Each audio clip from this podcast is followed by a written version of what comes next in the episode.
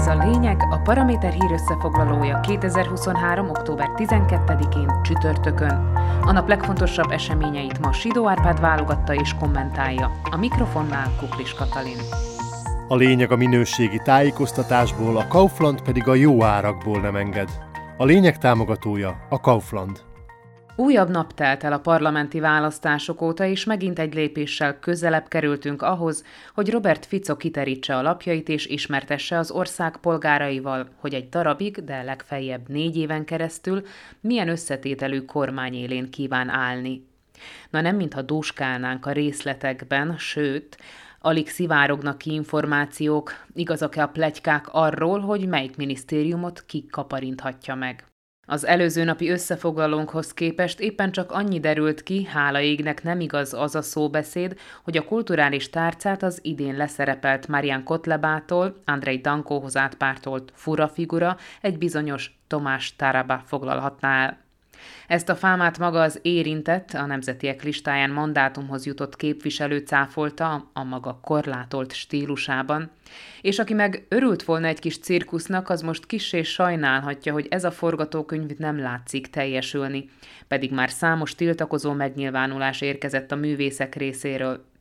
A kulturális élet képviselői első ijegységükben rögvest felszólították a kormányzásra készülő Smert, Last, meg hát az SNS-t is, hogy olyan szemét állítsanak a minisztérium élére, aki a szlovákiai kultúra területén tiszteletnek örvend, és nem vált ki ellentmondásos reakciókat a társadalomban. És hát ez a politikai gyütment taraban nem éppen ilyen fazon, akinek az ambícióit esetleg majd egy másik minisztériummal lehetne kielégíteni.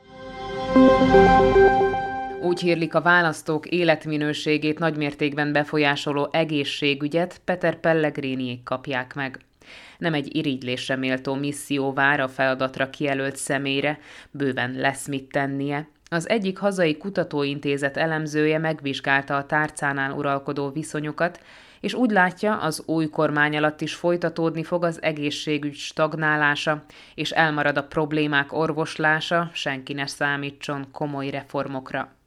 A legjobb esetben is maximum újabb összegeket öntenek az ágazatba, annak ellenére állhatnak így a dolgok, hogy a majdani kormánypárt közül csupán a Lasznak van úgy, ahogy kidolgozott egészségügyi programja, de az is eléggé általánosra sikeredett, és nem tartalmaz semmilyen komoly változtatásokat, pedig azokra a fenntarthatóság szempontjából égető szükség lenne.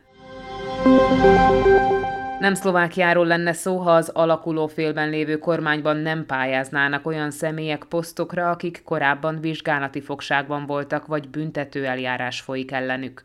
Az érintett politikusok jelöltségének elméletileg gátat szabhat a köztársasági elnök, Viszont egyes politológusok véleménye megoszlik erről, mert ha valakit például meggyanúsítanak, az még nem azt jelenti, hogy az illető el is követte a szóban forgó bűncselekményt, a magas pozíciókra pályázó lehetséges jelöltek közül például Filip Kuffa és a korábbi főrendőr Tibor Gáspár ellen is eljárás folyik.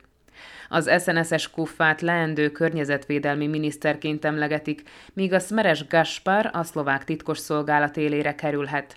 De ebbe a dicstelen társaságot tartozik Robert Kalinyák is, akinek a nevét először a belügyi tárcával kapcsolatban kezdték ragozni, ám most már a Védelmi Minisztérium várományosaként beszélnek róla.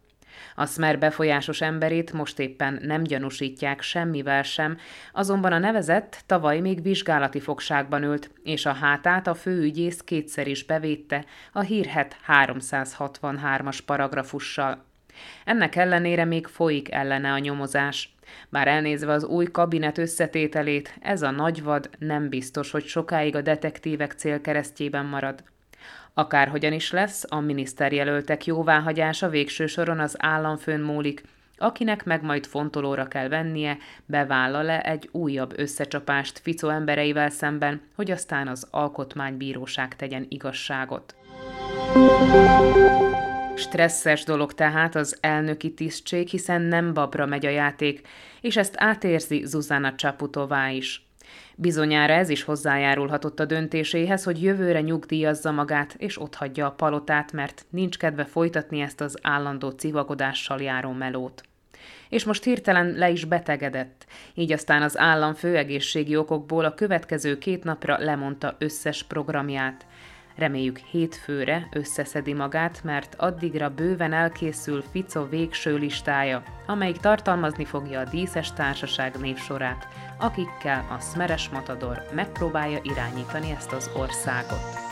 Sidó Árpád szerint ez volt a lényeg október 12-én csütörtökön, hírösszefoglalónkat minden hétköznap este meghallgathatják ugyanitt. Podcastjainkat pedig keressék a Paraméteren, illetve a Spotify, az Apple Podcasts, a Google Podcasts vagy a Podbean platformjain.